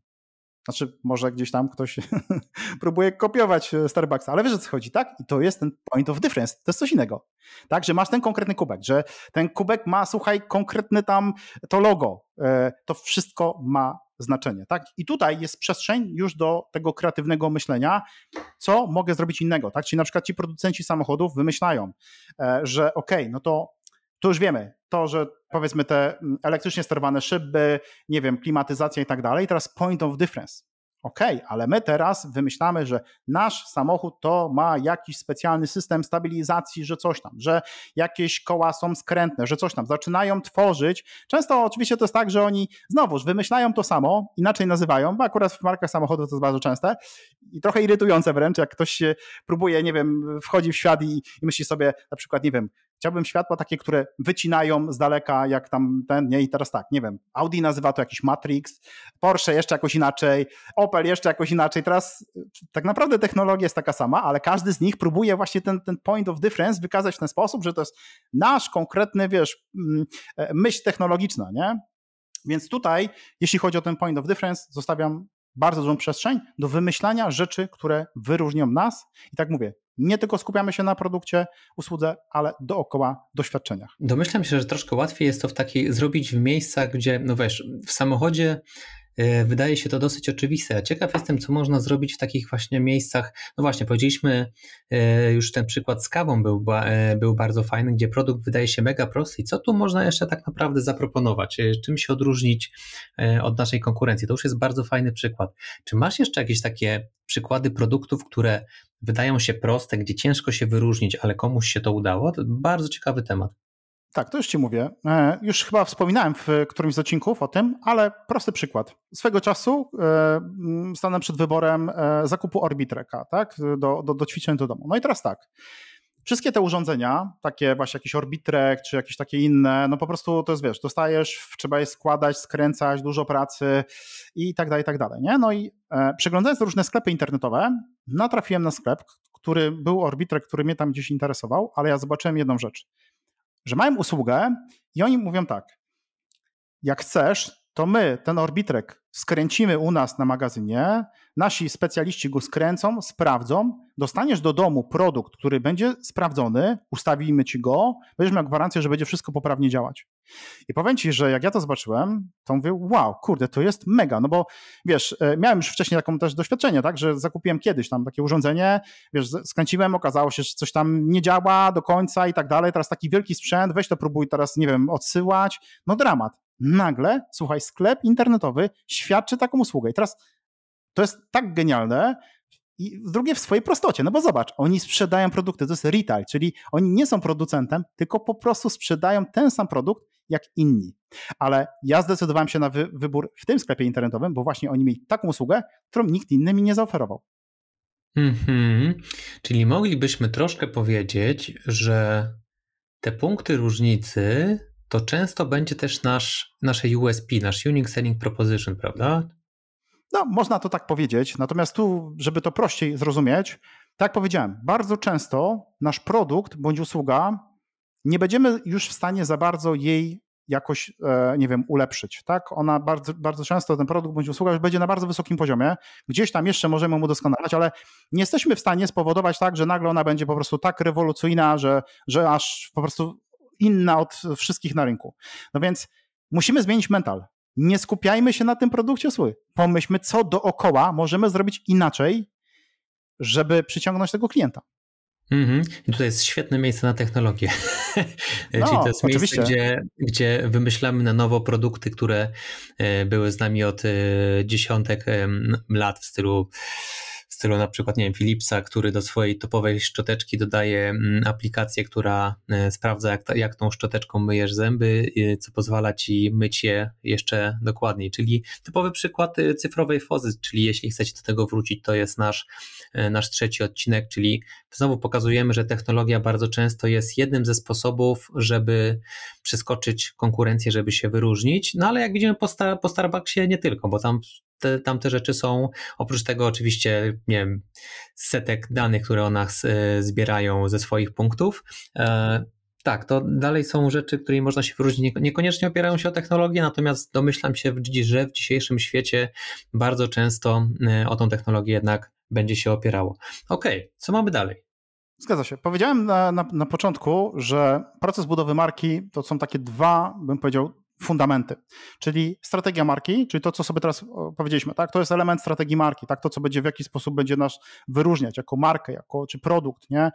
Czy jak powiedziałem, te analizy, to pozycjonowanie marki, to, co teraz sobie rozmawialiśmy. To jest jak gdyby pierwszy taki fundament. Drugi fundament, to jeśli już wiemy, czym my się będziemy wyróżniać, e, mm, jak chcemy być zapamiętani, że tak powiem, w, w umysłach tych naszych konsumentów, to jest drugi taki element, bym powiedział, trochę techniczny, to jest budowa tożsamości marki, czyli budowa pewnego wizerunku, który powstanie w naszej głowie. I teraz tożsamość marki też dzieli się na kilka elementów. Pierwszy to będzie tak zwana fachowo komunikacja wizualna, czyli na przykład identyfikacja wizualna. Co mam na myśli? Co to jest ta komunikacja wizualna? Czyli to jest, powiem tak, to jest w ogóle bardzo często takie niedoceniane, ale bym powiedział, piekielnie skuteczne narzędzie, które pomaga w procesie rozpoznawalności, ponieważ jednym z pierwszych etapów budowy świadomości marki jest proces rozpoznawalności. Żeby ktoś zaczynał zapamiętywać naszą firmę, to musi, e, no właśnie, to musi ją zacząć zapamiętywać, musi ją rozpoznawać. Nie? I teraz rozpoznawać poprzez właśnie e, wypracowanie identyfikacji wizualnej, czyli musi być jakiś konkretny styl e, graficzny, tak? Czyli mamy logo, mamy jakąś określoną e, kolorystykę, mamy jakieś określone fonty, tak? Tutaj moglibyśmy podać tam różne przykłady, które na pewno kojarzymy, tak? Jak pomyślimy sobie znowuż, McDonald's, mamy jakiś kolor żółty, jakieś konkretne fonty. Nie wiem, z rynku polskiego, InPost, tak? Wiemy, na żółto, pamiętam, kojarzymy to, tak? Bardzo często jest tak, że ja pamiętam e, jeszcze za dawnych czasów e, jak, jak e, hostessy w marketach ulotki nosiły e, i były trzy e, firmy, marki, jak gdyby sieci komórkowych, tak? Czyli był Plus, T-Mobile i Orange. O, no jeszcze kiedyś Era też pracowałem. Ale wiesz co? Z daleka było widać, kto do jakiej marki należy, tak? No bo jak była na zielono ubrana i było widać, że jest zielona ulotka i tak dalej, to już wiedziałem, że to jest plus, nie? E, jak było tam na ten taki, to się magenta fachowo nazywa, chociaż facet to chyba nie zna koloru magenta, nie wiem, to jest chyba różowy, jak dla mnie, ale okej, okay, nie idźmy tą drogą. E, to było już z daleka, rozpoznawałem e, tą markę, czyli kolorystyka, fonty, identyfikacja wizualna. I teraz tutaj tak króciutko myślę, chciałbym króciutko, może powiedzieć o takim ciekawym badaniu, które było przeprowadzone no już sporo lat temu, pokazującym, e, jaki wpływ ma branding na decyzje i wybory konsumentów. No więc ileś lat temu, nie pamiętam kiedy, było takie przeprowadzone badanie, gdzie znowuż była wybrana grupa badawcza, oni byli podzieleni na, na, na, na kilka jak gdyby takich podgrup, ale to, to byli znowu studenci, którzy byli, że tak powiem, poddawani na ekspozycję reklam on, online, tak? Czyli przez e, określony czas, to było badanie chyba trwało bodajże z miesiąc czasu, jedna grupa na przykład widziała nieświadomie, tak? Miała wyświetlane konkretne banery reklamowe, tam nie pamiętam, jedni mieli tylko 7 razy widzieli, niektórzy widzieli tam powyżej chyba 12 razy, no i była grupa, gdzie tam powyżej 20 razy, tak? I oni nie wiedzieli, znaczy nie wiedzieli, że im się te reklamy będą wyświetlać, nie, nie do końca, na, na początku nie wiedzieli o co chodzi w tym badaniu, nie? I teraz wymyślono sobie taką fejkową e, markę, że to był niby marka e, producent wody, nie? I po tym badaniu, po tym miesiącu dali im trzy butelki wody do wyboru, nie? I musieli jak gdyby zaznaczyć, która, który produkt, którą, który, którą wodę by wybrali, nie? I co było ciekawe, wszystkie były e, fejkowe, w zasadzie nie było, nie, nie istniała, tak? Więc nie mogli jakby tej marki gdzieś tam wcześniej kojarzyć, nie? I jedną rzecz e, e, pokazała, aha, z tych trzech to tylko jedna była w tych reklamach wyświetlana, nie? I teraz to, to badanie pokazało jedną ciekawą rzecz, że mm, ci w tej grupie, e, co tam chyba ponad 20 razy byli podani na ekspozycję tej reklamy nieświadomie, nie, nie chcę skłamać, ale ponad 70% wybierało konkretnie tą butelkę wody. I tu jest jedna rzecz, o której chcę powiedzieć, żeby to dobrze zrozumieć. Tu jest taki trochę błąd poznawczy i znowuż takie trochę mm, psychologia e, człowieka, a mianowicie nasz mózg, z racji tego, że spala bardzo dużo kalorii, często podejmuje decyzje bardzo szybko, ale one nie są do końca racjonalne. Czyli jeśli mamy do wyboru trzy produkty, i teraz uwaga, ten jeden skądś nasz mózg kojarzy, po prostu pamięta, gdzieś widział. To zgadnij, który ci zaproponuje, żebyś wybrał. Ten, który widział. I teraz nie ma żadnego logicznego, i wiesz co? I to jest ciekawe, bo tu nie ma żadnego logicznego uzasadnienia. Ten produkt wcale nie musi być lepszy, on może być wręcz gorszy, ale mózg ci zasugeruje, wybierz to, bo po prostu to znasz. To jako ludzie tak jesteśmy skonstruowani, że my lubimy zawsze, dążymy do tej strefy komfortu, wybieramy te produkty, które kojarzymy, które znamy, tak? To jest czysta psychologia. Teraz uwaga, to w ogóle to badanie pokazało też jedną rzecz. Dzisiaj w ogóle jesteśmy mega przebodźcowani, dookoła jest, są mnóstwo różnych reklam i tak dalej, i dlatego nasz mózg, żeby zaczął się proces zapamiętywania naszej marki, naprawdę mu musimy być poddani na ekspozycję danej reklamy naprawdę powyżej 20 razy. Aktualne badania mówią chyba nawet o większych liczbach. Ale jest jedna mega, mega kluczowa rzecz w komunikacji wizualnej, czyli cała ta identyfikacja wizualna Twojej firmy musi być spójna. Bo teraz zobacz, jeśli e, w tych badaniach tam dalej wyszło coś takiego, że jeśli e, te banery były różne, czyli ta sama firma, gdyby e, ta sama firma, marka tworzyła te kreacje, ale one były w innej kolorystyce, to ten proces się wydłużał. Chodzi o to, że wiesz, jestem na twojej stronie internetowej, widzę konkretne kolory, później widzę twoją reklamę na banerach, bo mnie śledzi remarketing i widzę, znowu rozpoznaję te konkretne kolory, ten konkretny styl, przechodzę, nie wiem, koło twojego punktu, który być może gdzieś tam masz na ulicy i znowuż poznaję e, szyld e, i tak dalej, te kolory. I tylko wtedy masz gwarancję, że e, po odpowiedniej ilości razy poddaniu właśnie jak gdyby jakby pokazaniu tej reklamy e, e, komuś zacznie się, bo to, bo to dopiero wtedy zaczyna się proces zapamiętywania. Okej, okay. jeszcze y, kojarzę, że kiedyś mi wspominałeś, że mm, to ile razy musimy być wystawieni na kontakt z marką się zwiększyło, że jesteśmy coraz bardziej odporni na to, prawda?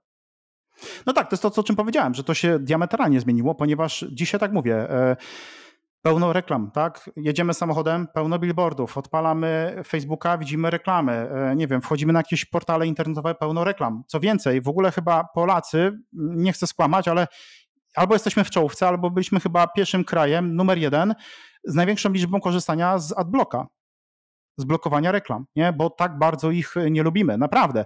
I teraz zobacz, jak marka tak się, się przez to przebić. Nie? Śmieję, bo, bo zawsze jak jadę, jadę gdzieś sobie w Polskę, wiesz, jest naprawdę ładnie i po prostu te billboardy mi zasłaniają światłem. Przydałby się taki adblock e, w życiu rzeczywistym, e, żeby, żeby e, te, te wszystkie reklamy pousuwać. Wiesz co, jeszcze wspominałeś o McDonaldzie, mi się przypomniało kiedyś bardzo ciekawą rzecz czytałem, dlaczego oni w ogóle mają te dwa kolory. Jeśli dobrze pamiętam, któryś z nich albo i oba yy, wzmagają apetyt. One kojarzą się ludziom z jedzeniem, prawda? No, zakładam, że z jakichś badań to, to, to, to wyszło, ale oczywiście jak najbardziej, tak? Pewne kolory będą, będziemy mieli pewne skojarzenia z pewnymi kolorami.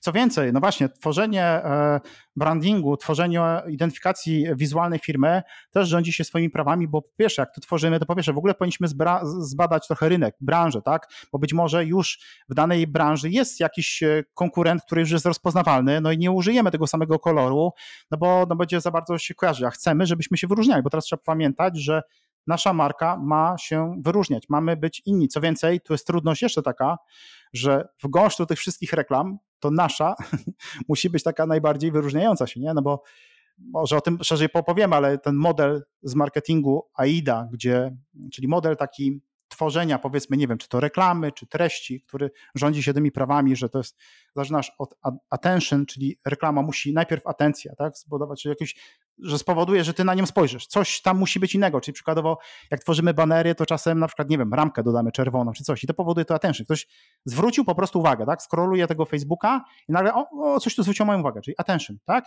Druga rzecz, która musi ta reklama spełniać, interest, czyli tam musi być e, coś takiego, co spowoduje, że tam już mnie e, zaciekawi. No i po kolei te wszystkie tam elementy, które muszą spowodować, że na sam koniec tam podejmuję to, to, to action, tak, call to action, e, gdzie, gdzie wykonuję działanie. Ale jakby wróćmy do naszej marki. Identyfikacja wizualna jest bardzo ważna i spójność wizualna jest niezwykle ważna. I powiem tak, powiedziałem, że to jest bardzo niedoceniane, bardzo często, w sensie przedsiębiorcy mówią, no nie wiem, dobrze, stwórzmy stronę, ale powiedzmy jakaś identyfikacja wizualna, czy coś takiego, jak gdyby mm, często o tym nie myślą. Myślę, że tutaj ty mógłbyś trochę się podzielić przykładem, bo pamiętam, e, jak kiedyś powiedziałeś mi taką rzecz, że stworzyliśmy ci stronę internetową i kiedyś wszedł klient na tą stronę i zadałeś mu pytanie, tak? Dlaczego, dlaczego e, pan. Dlaczego nas wybrał? Mhm. Tak, tak. No powiedz, dlaczego?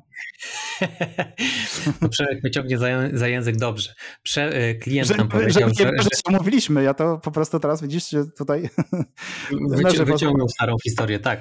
Było tak, z ciekawości oczywiście mamy wpisane do procesu, że e, nie od razu, ale jak już działamy z klientem na pewnym etapie, to pytamy się, dlaczego nas wybrał, czyli po prostu badamy w pewien sposób satysfakcji, daje nam to okazję do tego, żeby ciągle poprawiać sposób, w jaki pracujemy.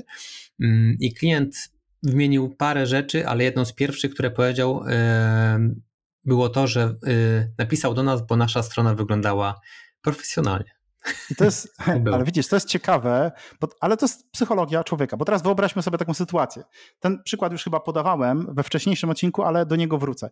Wyobraźmy sobie, że jesteśmy w jakimś obcym mieście, nie wiem, mamy sytuację awaryjną, musimy iść do dentysty, nie? No i teraz ktoś nam polecił dentystę, no i teraz y, stomatologa i widzimy sobie, e, że to jest kamienica, po prostu taka, wiesz, tynk odpada i w ogóle, słuchaj, drzwi od tego stomatologa, po prostu takie drewniane, słuchaj, po prostu wypadające, nie? Szyba, pajączek i tak. I teraz wyobraź sobie, co byś sobie pomyślał o tym stomatologu. Znaczy, tu masz oczywiście silną motywację, no bo kurde, ktoś ci to zarekomendował, ale gdybyś nie miał tej rekomendacji, tak przechodził sobie, to czy tak wszedłbyś do tego stomatologa, no bo, no bo po prostu y, widzisz jak gdyby y, front tej kamienicy, nie? No, byś się zastanawiał, tak, czy oni to na pewno tam są poważni, czy to będzie zrobione profesjonalnie. Natomiast kiedy jest sytuacja taka, że właśnie nie wiem, widzisz jakieś ładne, schludne pomieszczenie, ładna witryna i tak dalej, to to jest ciekawe zjawisko, bo ty nad tym się nie zastanawiasz. W sensie, jak gdyby nie zastanawiasz się, czy to będzie dobrze, czy niedobrze, w sensie, jak gdyby twój mózg reaguje, o jest ok, jest ok i teraz zastanawiam się, jak tę usługę zrobię. Więc identyfikacja wizualna jest naprawdę bardzo potężnym narzędziem, które spowoduje właśnie, że ten klient może chętniej wykonać ten kontakt. I teraz tak fajnie powiedziałeś, że jednym z elementów było to, że strona wyglądała dla niego ładnie, profesjonalnie, czyli na rynku widział inne, które się dla niego w jakiś sposób odróżniały, czyli jak gdyby stworzyłeś pewien standard. Oczywiście twój produkt, usługa, no musiały się same obronić, no w sensie takim dalej, jak gdyby to już nie, nie, nie sama kwestia wygląd strony, ale to, co, jaką wartość oferujesz, ale zauważ jedną rzecz, że to był ten pewien punkt styku. Idźmy dalej tożsamość. Tożsamość to tak powiedziałem, wizerunek, czyli ta komunikacja wizualna, ale również komunikacja marketingowa. Czyli tutaj mam na myśli taki język, jakim marka, nasza firma będzie się posługiwać. Czyli to jest taki styl komunikacji. No i tu mamy kilka elementów, czyli mamy tak, filozofię marki, misja, wizja, wartości. I powiem tak, to jest bardzo ważne, ale często niedoceniane i powiem wprost. Mało kto tworzy to prawidłowo, tak? Bo e, no jest naprawdę trudne w wypracowaniu. No i wszyscy znamy misję, wizję na stronach firmowych, gdzie wiesz, można przeczytać, że naszą misją jest tworzenie najwyższej jakości produktów i tak dalej, tak? I po prostu dużo jest nawet chyba memów już na to, że że po prostu, wiesz, to jest taki kopiuj wklej, nie? Dlatego to jest po prostu trudne, natomiast to, to jest ważne, żeby znaleźć właśnie jakąś taką swoją, mieć jakąś rzeczywiście prawdziwą filozofię marki. Kolejna rzecz, no to są na pewno tak zwane key messaging i keywords, czyli kluczowe komunikaty, które służą do takiego wyraźnego i spójnego przekazywania głównych informacji o marce, produkcie, a e, słowa kluczowe no, są używane głównie właśnie w kontekście czy to optymalizacji dla wyszukiwarek SEO, czy, czy po prostu poprawy widoczności właśnie w tych wyszukiwarkach, tak? Czyli tu przykładowo, nie wiem, jak, jakby tutaj tak można podać. E, wyobraźmy sobie, że nie wiem, e, sprzedajemy krzesła, tak? Mamy jakieś nowoczesne krzesło, no i teraz co to będą te kluczowe komunikaty? Czyli przykładowo, krzesło ma tak, co, co je wyróżnia? Styl i funkcja, jakość, trwałość i materiały. Teraz Jakie mogą być kluczowe komunikaty? Styl i funkcja. Nowoczesne wzornictwo spotyka komfort, jakość. Ziemiesznicza precyzja w każdym szczególe. Teraz komunikat dotyczący trwałości. Stworzone, by służyć przez lata. Albo komunikat e, dotyczący materiału. Wybieramy tylko najwyższej jakości materiał. I to, są, to jest ta komunikacja taka właśnie e, do konsumenta, gdzie tu znowuż on kojarzy nasze logo, kojarzy nasze barwy, ale zaczyna kojarzyć kojarzyć e, te slogany, te, te, te właśnie takie kluczowe komunikaty gdzieś tam w głowie mu pozostają. Nie? Dalej, tak? Te, no, keywordsy to już wiadomo, tak, dla, dla tego krzesła przykładowo nowoczesnego, no to będzie nowoczesne krzesło, krzesło ziemiesznicze, no po prostu hasła, które gdzieś tam nas pozycjonują. No i tutaj bym powiedział na koniec tej tożsamości bardzo, bardzo ważny element, czyli stylistyka komunikacji i tak zwany tone of voice, czyli to, w jaki sposób my będziemy komunikować się jako marka. No i tutaj myślę, że e, tych stylów komunikacji jest bardzo dużo. Prosty przykład, nie wiem, Old Spice, tak, mamy na przykład komunikację Old Spice, gdzie e, wiemy jak oni komunikują, ten słynny gościu, co na tego tam konia wskakuje, raz jedzie tam tyłem e, na tym koniu, a później gdzieś tam e, bierze prysznic, nagle znajduje się w dżungli, jak gdyby to jest pewien styl komunikacji, e, pewien pewien język, którym oni komunikują do, do swojego odbiorcy i to zależy, tak, jaki e, przyjmiemy, tak. Tu też chodzi o to, że ta komunikacja musi, co jest bardzo ważne, prawidłowa komunikacja to jest taka, która jest skierowana do grupy odbiorców i ona jest przez nich zrozumiała, tak? I tutaj problem mają branże specjalistyczne, czyli przykładowo, nie wiem, kancelaria prawna, która, wiesz, w swojej reklamie zakomunikuje tak według artykułu takiego i takiego, zgodnie z prawem takim i takim, e, tworzenie ofert wymaga podejścia takiego i takiego. Jakby rozumiesz, tak, ta komunikacja do tego klienta musi być językiem, który on rozumie i to musi być twoje. Teraz ty możesz podejść do komunikacji, nie wiem, że będzie to twoja komunikacja bardziej, bardziej zabawna, a może będzie poważna, a może będzie bardziej taka mentorska. No tutaj tych stylów i, i tutaj już weszlibyśmy w archetypy marki, których dzisiaj nie chcę poruszać, jest dużo, czyli komunikacja, styl. I tak naprawdę w tych dwóch takich głównych elementach byśmy zamknęli proces tworzenia marki, czyli strategia i tożsamość marki. Mhm, dobra, to brzmi fajnie. Czyli, um, czyli jak chcemy ugryźć temat, w jaki sposób się komunikujemy z klientem, czyli jaki mamy branding, jaki mamy kolory, w jaki sposób do niego mówimy, jaki mamy sposób e, przekazywania naszego komunikatu, czyli właściwie jak rozmawiamy z klientem za pomocą właściwie naszych kanałów, prawda? Tak, no to jest, tu powiem, jeszcze raz to powtórzę, kluczem do sukcesu jest spójność. To znaczy, dlatego musi być wypracowany ten styl komunikacji, że jeśli piszemy w jakiś sposób na ofercie, to później w taki sam sposób piszemy w social media, w taki sam sposób piszemy, nie wiem, na stronie internetowej, i najlepiej byłoby, żeby handlowcy też w podobny sposób mówili. Nie? I tutaj czasem się też na tym łapiemy, że z handlowcem, to, czy handlowiec, czy e, konsultant zupełnie inaczej rozmawia niż jest to komunikowane na stronie jeszcze inaczej jest komunikowane w ofercie i tak dalej. Więc jakby klucz komunikacja, ale jeszcze ważniejsza od tej komunikacji, bo powiem tak, ta komunikacja taka werbalna, w sensie gdzie w treści, to trochę jeszcze jesteśmy w stanie jak gdyby to wy, wybacza. Natomiast nie wybacza jedna rzecz, nie wybacza y, komunikacja wizualna. Dlaczego? Dlatego, że to po prostu jest taki czysty mechanizm psychologiczny. Jeśli jesteśmy podawani na ekspozycję konkretnej grafiki x razy, to nasz mózg po prostu zapamięta. Natomiast jeśli ona będzie za każdym razem inna, trochę inna czcionka, trochę inny kolor, niby ten sam, ale jednak inny, Po prostu to się nie, to się nie wydarzy albo będzie trwało bardzo długo. Więc jeśli chodzi o identyfikację wizualną, to tutaj nie ma zmiłuj, to musi to być zrobione dobrze, tak żeby, no bo tak mówię, to odpowiada za proces zapamiętywania, nasz mózg, nie? i tego nie jesteśmy w stanie tutaj zrobić inaczej.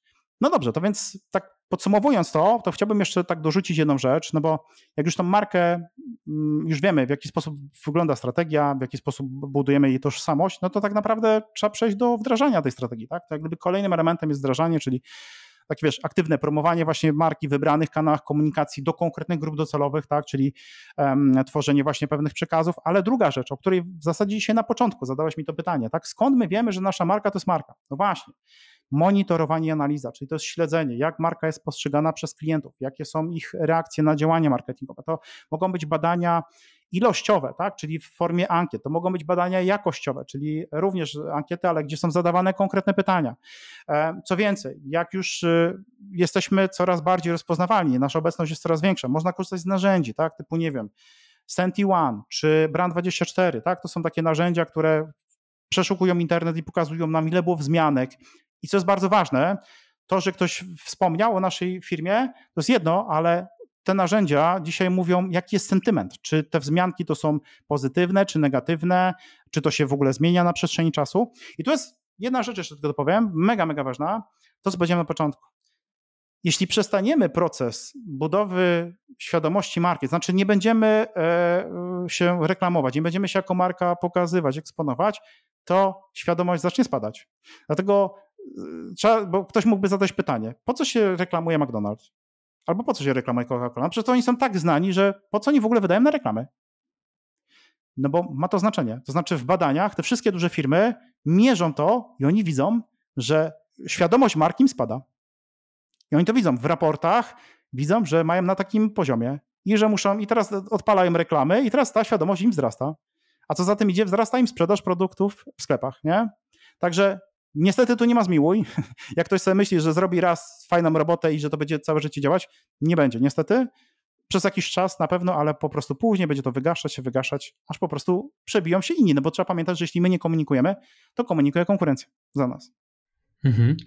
No dobra, to co, Przemku, chyba przeszliśmy e, z grubsza przez wszystko. Mnie namówiłeś na budowanie marki. E, co prawda robimy to od jakiegoś czasu, ale zawsze warto sobie e, wrócić, zobaczyć w jaki sposób to robimy i czy można coś poprawić. Zwłaszcza spodobało mi się to narzędzie, o którym wspomniałeś, jakie rzeczy powinniśmy mieć wspólne, a co odróżnia nas od innych marek. Zwłaszcza, że tych rzeczy trochę mamy, więc warto byłoby sobie to wypisać. U nas to chyba ciekawsze będą te rzeczy, które które są w standardzie, a faktycznie moglibyśmy je wrzucić w komunikacji, więc bardzo fajnie, na pewno sobie, e, sobie to zrobimy. Bardzo ciekawe są też przykłady, e, które podałeś firm, które wydawałoby się, że sprzedają produkty, gdzie ciężko w ogóle coś, coś nowego wymyśleć, w jakiś inny sposób je ugryźć. E, też mi się to bardzo podobało. To co, może jakbyś w paru słowach mógł podsumować, jak zbudować własną markę, co o czym powinniśmy wiedzieć, o czym pamiętać? Oczywiście, no więc y, dzisiaj powiedzieliśmy sobie, że budowa marki składa się z etapów, z takich głównych fundamentów, czyli pierwsze strategia e, marki, tak powiedziałem, analizy e, i pozycjonowanie marki, czyli to top of the mind, tak żebyśmy pozycjonowali się w głowach konsumentów, bo na tym polega budowa mm, marki. Drugi etap, e, jak gdyby ten fundament, no to jest budowa tej tożsamości marki, czyli komunikacja wizualna typu logo, identyfikacja wizualna i tak dalej, czyli e, nie dość, że ten konsument musi w głowie, w tej szufladce mieć nazwę naszej firmy i kojarzyć nas z jakąś usługą, to po prostu musimy mieć, mieć obraz, tak, czyli poza nazwą obraz, tak, jakaś kolorystyka, jakiś konkretny styl graficzny. No i, no i cóż, no i jak gdyby musimy przejść tak naprawdę do później do E, do, tej komunikacji marketingowej marki, czyli spójnego jak gdyby tego e, języka, którym po prostu będziemy rozpoznawani, będziemy kojarzeni. Także tylko tyle i aż tyle. Natomiast no, ten proces oczywiście jest e, wymagający. Natomiast trzeba powiedzieć sobie jasno, że ten proces wygląda, znaczy po pierwsze, w ogóle to wygląda niezależnie, czy to jest firma, która zatrudnia dwie osoby, czy zatrudnia 10 tysięcy osób. Tak wygląda proces budowy marki i powiedzieliśmy sobie, że markę można zbudować lokalnie, tak? Czyli nie trzeba ładować nie wiadomo jak wielkich pieniędzy na całą Polskę, jeśli moja firma tak naprawdę jest tylko w danym mieście. Nie? Czego wszystkim życzę. Dokładnie tak, czyli życzymy Wam zbudowania własnej, silnej marki, bo jak Przemek powiedział na początku, daje nam to gigantyczną przewagę nad konkurencją.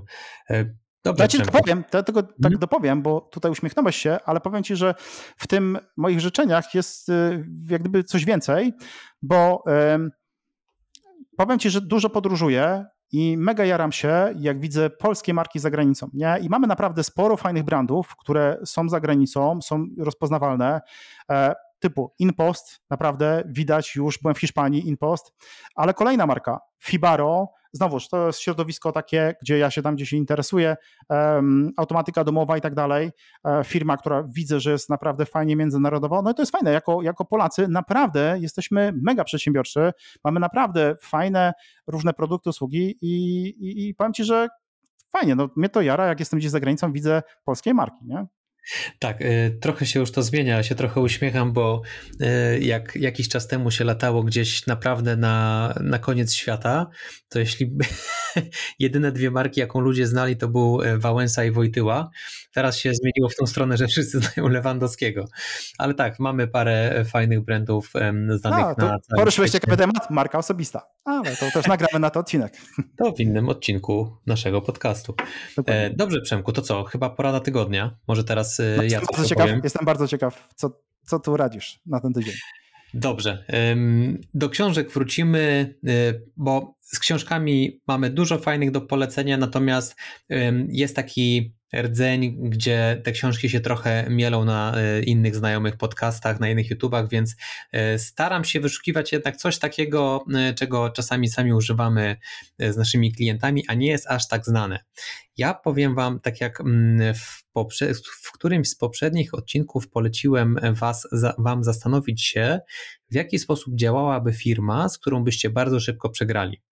To jest podobny eksperyment myślowy, który pozwala podnieść zyskowność firmy oraz zauważyć problemy, które na nas czyhają. E, to, również to przeprowadzamy z naszymi klientami i to jest taki eksperyment myślowy, gdzie wspólnie zastanawiamy się, co firma musiałaby zrobić, żeby nagle zarabiać 10 razy więcej. I z tego, jak się chwilę nad tym zastanowimy, wychodzą bardzo, bardzo ciekawe rzeczy, bo na przykład bardzo szybko mm, dochodzimy do momentu, gdzie na przykład firma musiałaby rosnąć liniowo, czyli zatrudniać więcej pracowników, sprzedawać więcej, po prostu 10 razy więcej, a to nie zawsze jest możliwe bo na przykład fabryka stoi w takim miejscu, gdzie nie ma już więcej ludzi e, do pracy, albo mogą być jakieś ograniczenia e, surowca, jeśli mówimy o przemyśle. Jeśli chodzi o firmy usługowe, to jak wiemy, razem z wielkością firmy przeważnie spada wydajność, czyli są coraz większe straty, więc mamy coraz mniejszą marżę. Więc pytanie jest, jak możemy zarabiać więcej? Przeważnie tutaj kończy się na budowaniu a to w sumie o co dzisiaj zahaczyliśmy, czyli jakieś wartości dodatkowe, którą sprzedajemy naszym e, klientom, za co są oni w stanie więcej e, zapłacić. Bardzo, bardzo często opiera się to również o technologię. E, tak, więc to jest taki eksperyment myślowy, który polecam Wam przeprowadzić, w jaki sposób to zrobić i w domyśle chodzi jednak o to, w jaki sposób podnieść swoją marżę, a nie po prostu zatrudnić więcej ludzi, produkować więcej, bo to bardzo często jest ślepy zaułek i nie zawsze jest to e, w ogóle możliwe. Także taki eksperyment myślowy ode mnie do zastanowienia się w wolnej chwili. Tak od razu pomyślałem sobie, że jak mówisz, żeby podnosić marżę, no to idealnie byłoby zbudować markę, prawda? No bo wtedy można e, mieć wyższą cenę, klienci chętnie będą z tego korzystali. Także myślę, że to jest taka puenta tego, że warto na pewno budować markę, no bo to jest jeden z elementów zwiększenia rentowności firmy. Dokładnie tak. Dobrze, Przemku. To co, dziękuję za dzisiejszy odcinek i słyszymy się za tydzień. Czarku, bardzo dziękuję. Jak zwykle rozmowa z Tobą to dla mnie była przyjemność. Do usłyszenia.